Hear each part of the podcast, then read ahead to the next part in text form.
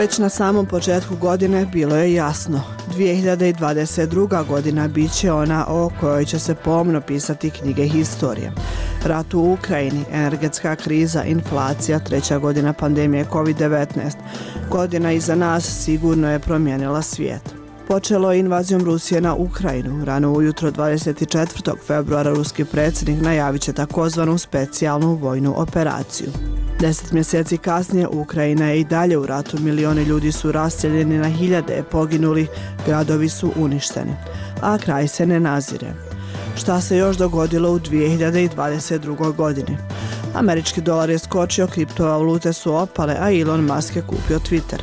Bila je i ovo godina masovnih protesta u Iranu, godina kada je Latinska Amerika krenula ka lijevo, a Xi Jinping osigurao još jedan mandat na čelu komunističke partije Kine. Bila je ovo godina kada je Velika Britanija izgubila kraljicu sa najdužim stažom, dobila kralja i imala čak tri premijera. Ovo je bila i godina kada je riječ Goblin Mode ušla u Oxfordov riječnik.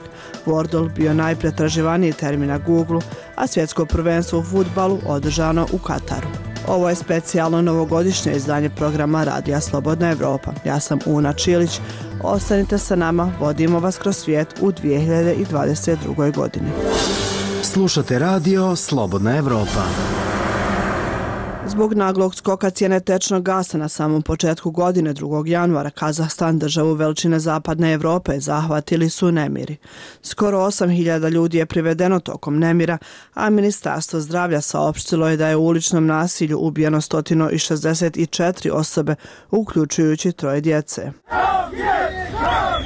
Starče odlazi, odlazi. Uzvikivali su demonstranti obraćajući se bivšem predsjedniku Nursultanu Nazabajevu. Suočan sa širenjem nemira, aktualni predsjednik Kazahstana Kasim Žorma Tokajev proglasio je vanredno stanje, a savez od šest zemalja koji sačinjavaju Rusija, Bjelorusija, Kazahstan, Kirgistan, Tadžikistan i Armenija pristao je da pomogne u uspostavljanju sigurnosti. Terorističke bande являются, по сути дела, международными, Terorističke bande su međunarodne u suštini. Prošli su ozbiljnu obuku u inostranstvu i njihov napad na Kazahstan može se i treba posmatrati kao čin agresije.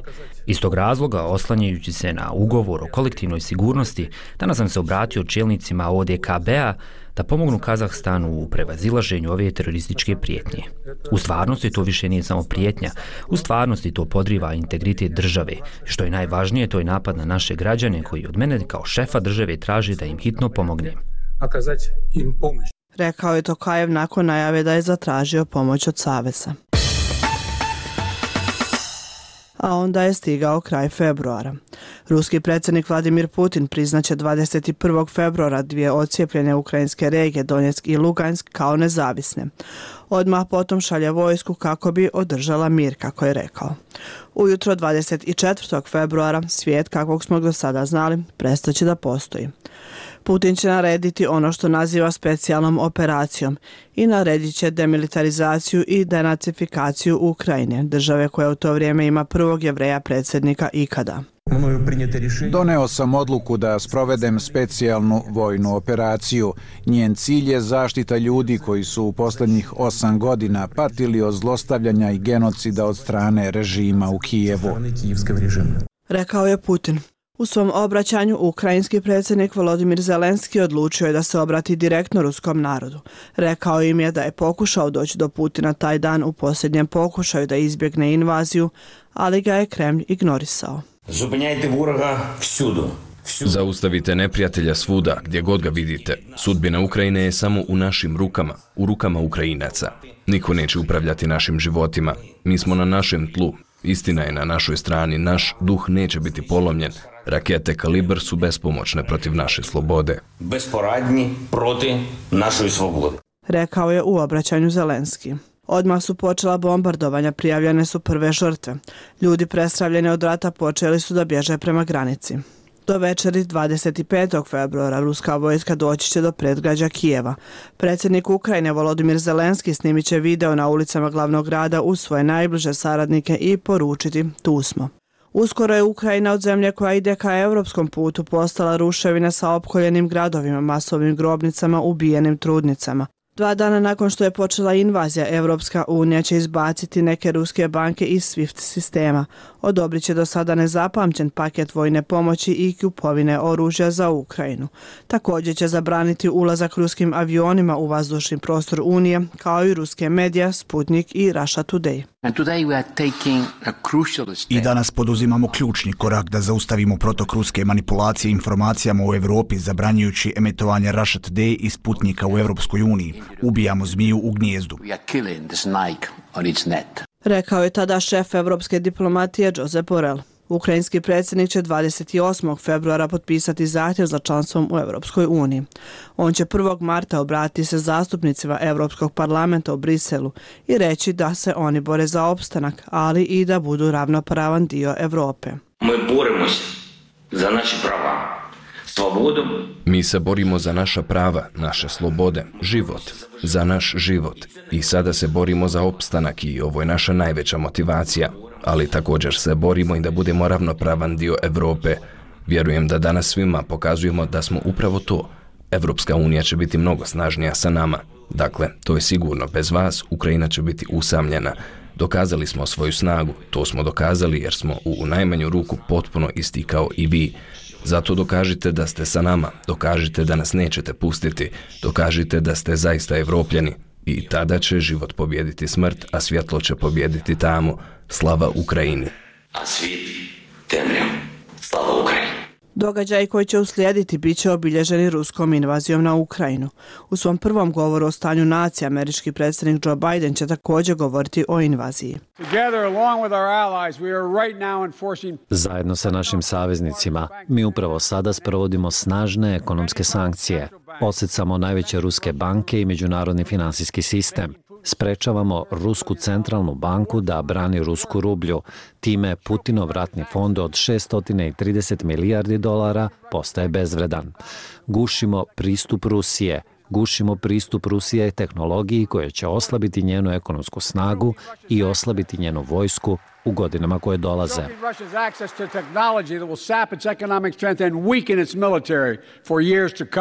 Kraj mjeseca će otići u Poljsku, zemlju koja graniči sa Ukrajinom i u kojoj je stigao najveći broj izbjeglica. Diktator sklon obnovi carstva nikada neće izbrisati ljubav ljudi prema slobodi. Brutalnost nikada neće slomiti volju za slobodom. Ukrajina nikada neće biti pobjeda Rusije, jer slobodni ljudi odbijaju da žive u svetu beznađa i tame. Mi ćemo imati drugačiju budućnost, svetliju budućnost, ukorenjenu u demokratiji i principu nadi i svetlosti, pristojnosti i dostojanstvu, slobodi i mogućnostima. Za Boga, ovaj čovjek ne može da ostane na vlasti.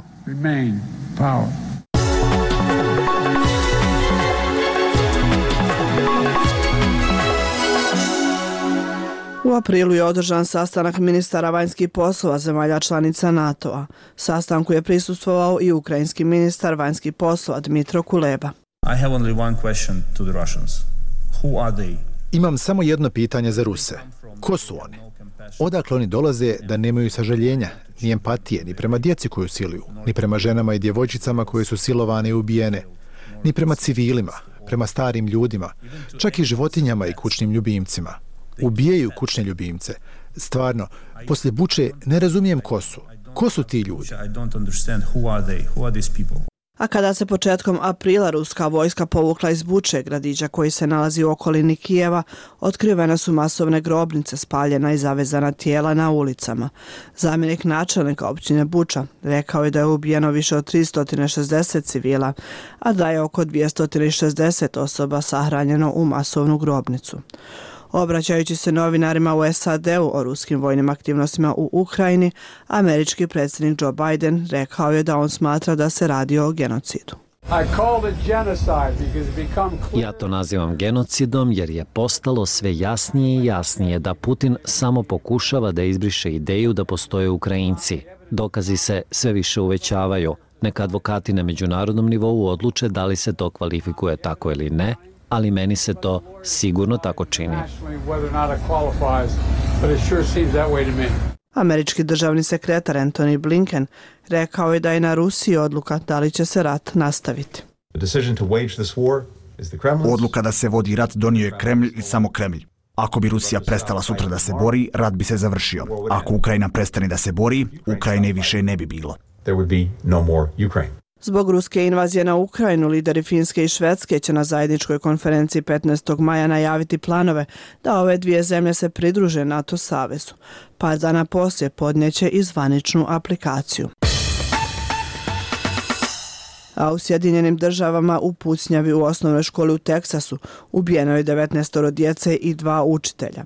Ovo je druga najsmrtonosnija pucnjava u američkoj školi nakon 2012. godine kada je u Sandy Hook osnovnoj školi ubijeno 26 djece i odrasli. Nakon pucnjave u osnovnoj školi Rob u Uvaldeu u Teksasu, američki predsjednik Joe Biden pozvao je Amerikance da se suprostave lobistima za oružje. Another massacre Uvalde, Texas, an elementary school. Još jedan masakar. U Valde, Texas. Osnovna škola, lepi nevini učenici drugog, trećeg i četvrtog razreda. I koliko desetina male dece koja su svedočila onome što se dogodilo da vide svoje prijatelje kako umiru, kao da su na bojnom polju. Roditelji koji više nikada neće vidjeti svoje dete, nikada neće skakati sa njima na krevetu i maziti se sa njima. Roditelji koji nikada neće biti isti. Izgubiti dete je kao da vam je otrgnut komadić duše. To lose a child is like having a piece of your soul ripped away. Krajem juna, četiri mjeseca od kako je Rusija započela invaziju, Evropska unija je dodijelila status kandidata za članstvo u Ukrajini i Moldaviji. Time je pokrenut potencijalno višegodišnji proces koji bi mogao da udalji ratom zahvaćenu Ukrajinu od uticaja Rusije i da je čvršće poveže sa Zapadom. To ne prosto družbena simpatija, a tvrdi i oficijni namjer stati... Ovo nije samo prijateljstvo, nije su osjećanje, već čvrsta i zvanična namjera da se u budućnosti, u bliskoj budućnosti ujedinimo. I Ukrajina će od danas moći da se uključi u rad određenih tijela i novih programa EU, pristup koji nije dozvoljen trećim zemljama. Danas smo se riješili ove ponižavajuće odrednice. U suštini, Ukrajina to nikada nije bila, ali zvanična terminologija nas je tako oslovljavala. Mi smo je se riješili. Mi nismo treća država, ni deseta, ni stota. Mi smo buduća članica Evropske unije. Mi majbutnji člen Evropejskog sojuzu. Rekao je Zelenski. Status kandidata za članstvo u Evropskoj uniji Ukrajina traži od 2014. godine kada je na protestima u Kijevu zbačen proruski predsjednik. To je bila i prekretnica na putu Ukrajine od bivše Sovjetske republike ka razvijenoj ekonomiji u najvećem svjetskom trgovinskom bloku. U obraćaju u Ukrajinskom parlamentu iz Brisela predsjednica Evropske komisije Ursula von der Leyen rekla je da je sada jasno da Ukrajina ima evropsku perspektivu. Ukraine now has a very clear European perspective. Ukrajina sada ima vrlo jasnu evropsku perspektivu, a Ukrajina je zemlja kandidat za pridruživanje Evropskoj uniji. Nešto što se prije samo pet mjeseci činilo gotovo nezamislivim. Dakle, danas je prije svega trenutak za proslav ove istorijske prekretnice. Pobjeda odlučnosti i pobjeda za cijeli pokret koji je počeo prije osam godina na Majdanu. Prešli ste tako dug put od 2014. godine. Čvrsto ste odabrali da budete demokratija i da živite pod vladavinom zakona. And to live under the rule of law.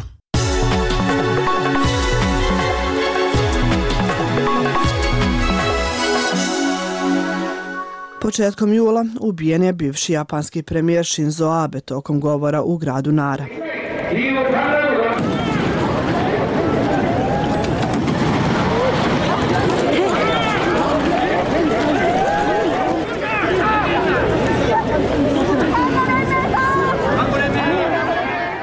ABA je pucao 47-godišnji japanac koji je ubrzo uhapšen, a bivši premijer je nedugo nakon napada preminuo u bolnici. Shinzo Abe je bio japanski premijer sa najdužim mandatom, koji je teže da podigne ekonomiju zemlje. Trudio se da ojača vojsku i suprostavi se rastućem pritisku Kine. Umro je sa 67 godina. Juli mjesec donjeće promjene i u britanskoj politici. 2022. godina biće poznata i kao godina u kojoj će Velika Britanija imati tri premijera. Početkom mjeseca Boris Johnson je rekao da će se povući sa premijerske pozicije nakon pobune u njegovoj konzervativnoj stranci. U znak nezadovoljstva više od 50 ministara i vladini funkcionera podnjeće ostavku. Želim da iskoristim posljednjih nekoliko sekundi, gospodine predsjedavajući, da dam nekoliko riječi savjeta svom nasljedniku, mako on ili ona bili. Broj 1. Ostanite blizu Amerikanaca, držite se Ukrajinaca, držite se slobode i demokratije svuda. Rekao je Johnson. Njega će nakon izbora koji su među članovima konzervativne stranke održani tokom ljeta zamijeniti Liz Truss. During this leadership campaign, Tokom ove kampanje učestvovala sam kao članica konzervativaca i tako ću i vladati. Prijatelji, moramo pokazati da ćemo ostvariti rezultate u naredne dvije godine. Iznijeću hrabar plan za smanjenje poreza i razvoj naše ekonomije. Donijeću rješenje za energetsku krizu i suočavanje sa računima za energiju domaćinstava, ali i dugoročnim problemima koje imamo u pogledu snabdjevanja energijom rekla je Tras nakon što je proglašena za novu britansku premijerku. Šest sedmica kasnije daće ostavku. Sa samo 45 dana Tras je premijerka sa najkraćim stažom u britanskoj historiji. S obzirom na situaciju ne mogu ispuniti mandat na koji me je izabrala konzervativna stranka. Stoga sam razgovarala sa njegovim veličanstvom kraljem da ga obavijestim da podnosim ostavku na mjestu lidera konzervativne stranke. Najava Liz Truss o ostavci uslijedila je nakon gotovo potpunog urušavanja njenog političkog autoriteta i unošenja nesigurnosti u ekonomsko tržište. Nju će zamijeniti Rishi Sunak, prvi britanski premijer azijskog porijekla i sa 42 godine najmlađi premijer u zadnjih 200 godina. Ujedinjeno kraljevstvo je sjajna zemlja, ali nema sumnje da se suočavamo sa velikim ekonomskim izazovom. Sad nam je potrebna stabilnost i jedinstvo, a ja ću staviti na kraj svoj prioritet da okupimo našu stranku i našu zemlju.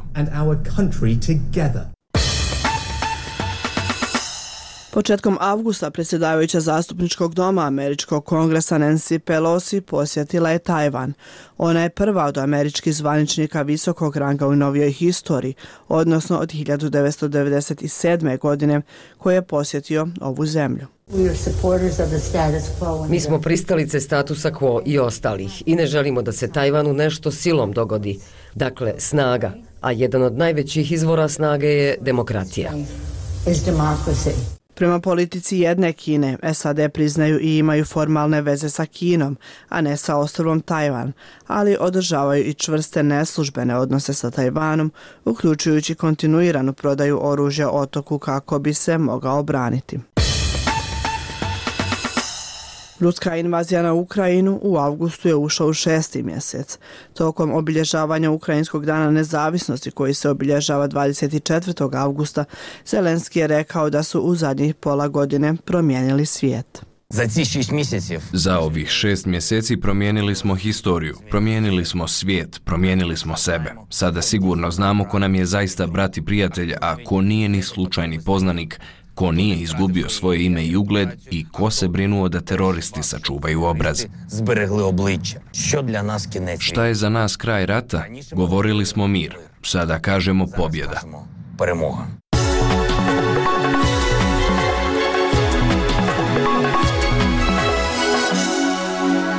Početkom septembra preminula je kraljica Elizabeta II. Monarhinja sa najdužim stažom na britanskom prijestolju preminula je 8. septembra u 96. godini života. Ove godine je proslavila 70 godina na prijestolju. Preminula je u Balmoralu, svom ljetnom domu u Škotskoj, za kojeg se smatralo da je jedno od njenih omiljenih mjesta. A few moments ago, Buckingham Palace announced the death of Her Majesty Queen Elizabeth II. Prije nekoliko trenutaka Beckinghamska palača je objavila smrt njenog veličanstva, kraljice Elizabete II. Palata je upravo izdala saopštenje koje kaže Kraljica je umrla mirno u Balmoralu danas popodne. Kralj i kraljica supruga ostaće u Balmoralu večeras i sutra će se vratiti u London. U nekoliko minuta Beckinghamska palača objavila je smrt njenog veličanstva kraljice Elizabete II. Queen Elizabeth II. Nju je na britanskom prijestolju zamijenio najstariji sin Charles koji ima 73 godine. U septembru počinju protesti širom Irana, ali i svijeta zbog smrti 22-godišnje Mahse Amini, djevojke koja je umrla tri dana nakon što je uhapsila moralna policija u Teheranu jer navodno nije dobro nosila hijab.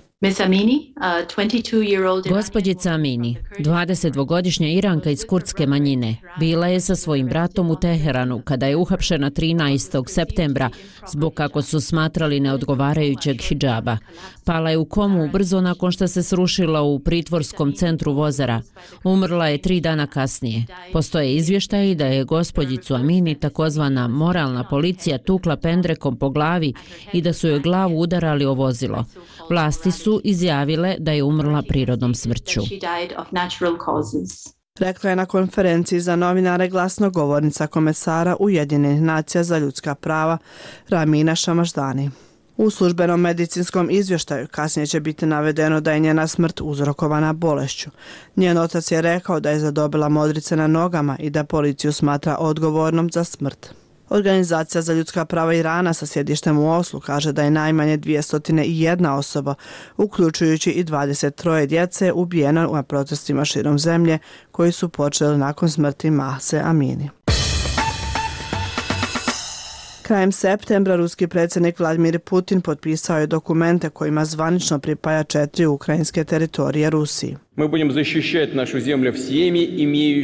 Štitit ćemo našu zemlju svom snagom i sredstvima koje imamo i uradit ćemo sve što je moguće da osiguramo miran život našim ljudima. Ovo je velika oslobađajuća misija našeg naroda. Želim da me vlasti u Kijevu i njihovi stvarni vladari na zapadu čuju, tako da svi zapamte. Ljudi koji žive u Lugansku, Donjecku, Hersonu i Zaporožju su postali naši građani zauvek.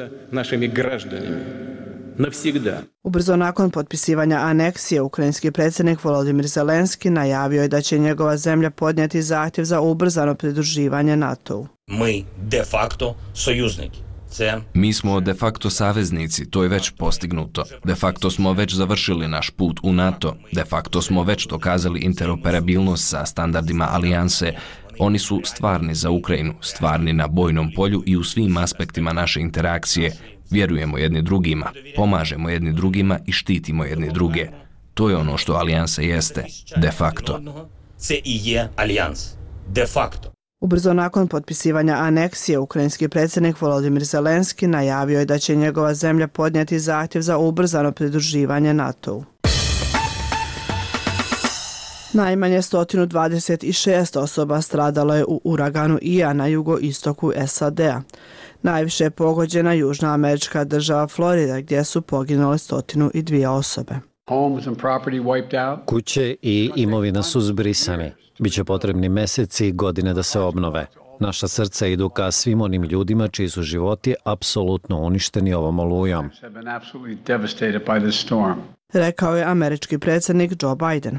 Oluja Ian jedna je od najjačih koje su pogodile SAD u posljednjih 20 godina.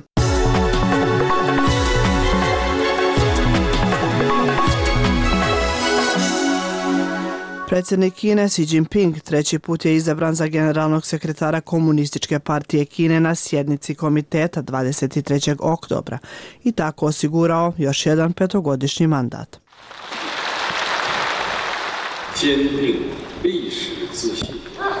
Naša dostignuća u proteklom veku su zaista izuzetna, više od 100 godina od osnivanja naša partija je još uvek na svom vrhuncu.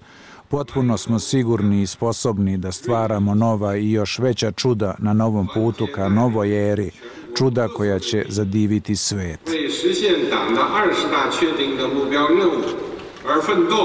Rekao je kineski lider.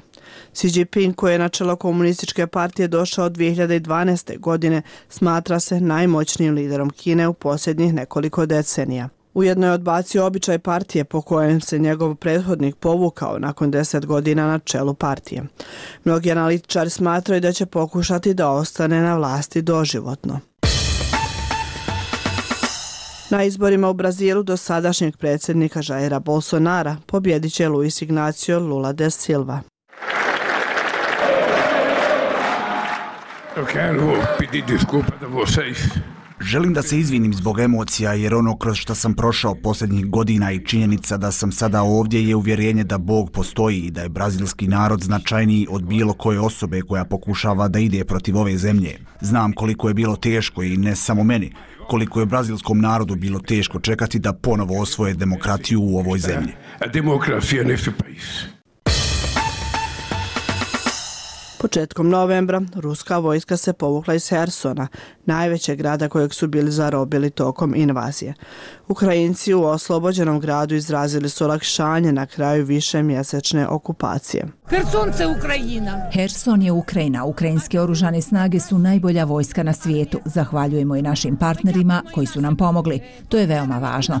Udruženi ćemo pobjediti. Pobjedit ćemo rasističku Rusiju. Možemo rasističku Rusiju. Rekla je Natalja Koloba, jedna od stanovnica Hersona. Zelenski je rekao da su istražitelji otkrili više od 400 ratnih zločina u oblastima Hersona koje su ruske snage napustile. Na konferenciji za novinare samita G20 koji se održavao na Baliju, Biden je pohvalio Ukrajince i njihovu vojsku. Ovo je značajna, veoma značajna pobjeda za Ukrajinu i ja ne mogu učiniti ništa osim da aplaudiram hrabrosti, odlučnosti i kapacitetu ukrajinskog naroda i ukrajinske vojske. Mislim, oni su zaista bili neverovatni. Mislim da je u ovom trenutku teško reći šta to tačno znači, ali bio sam vrlo jasan da ćemo nastaviti da pružamo mogućnosti ukrajinskom narodu da se brani i nećemo se upuštati u bilo kakve pregovore. Nema ničega u Ukrajini bez Ukrajine. Ovo je odluka koju Ukrajina mora doneti.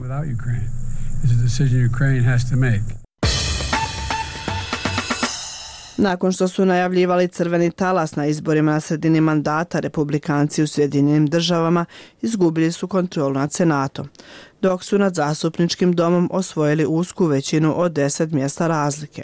Uskoro nakon rezultata, bivši američki predsjednik Donald Trump najavio je da će se ponovo kandidovati za predsjedničku poziciju na izborima 2024. Our country is in a horrible state. We're in grave trouble. Baš kao što sam obećao 2016. ja sam vaš glas. Ja sam vaš glas. Establishment Washingtona želi da nas učutka, ali mi im to nećemo dozvoliti. Ono što smo zajedno izgradili u proteklih šest godina je najveći pokret u historiji, jer se ne radi o politici, radi se o našoj ljubavi prema ovoj velikoj zemlji, Americi. I nećemo dozvoliti da propadne, Kandidujem se jer vjerujem da svijet još nije vidio pravu veličinu ove nacije. Nismo dostigli taj vrhunac, vjerovali ili ne. U stvari, možemo da idemo veoma daleko. Morat ćemo da idemo daleko.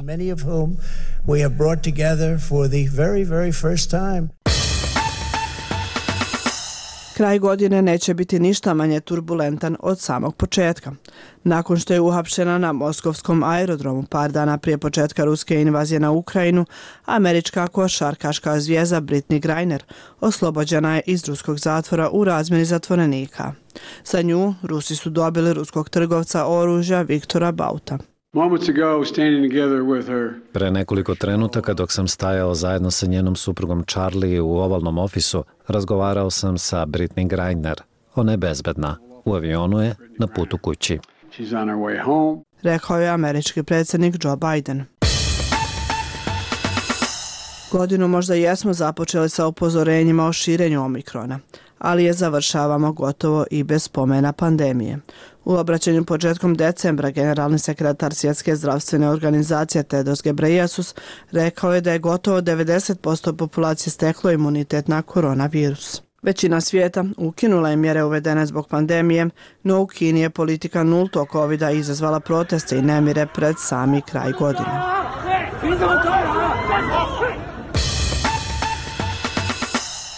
Kraj godine smo dočekali i sa svjetskim prvenstvom u futbalu koji se po prvi put održalo u jednoj arapskoj zemlji, Kataru. Mjesec dana takmičenja okončano je 18. decembra, kada je Argentina u finalnoj utakmici pobjedila Francusku. Sa zvukovima takmičenja sa ulica Buenos Airesa završavamo pregled događaja koji su obilježili 2022. godinu. Bilo je tu još mnogo toga, erupcija vulkana, energetske krize, pucanje sjevernog toka i pregovora. Sve te priče možete pronaći na našem sajtu slobodnaevropa.org kao i na našim društvenim mrežama. Također možete pronaći i tekstove i videa u kojima predviđamo tokove naredne godine.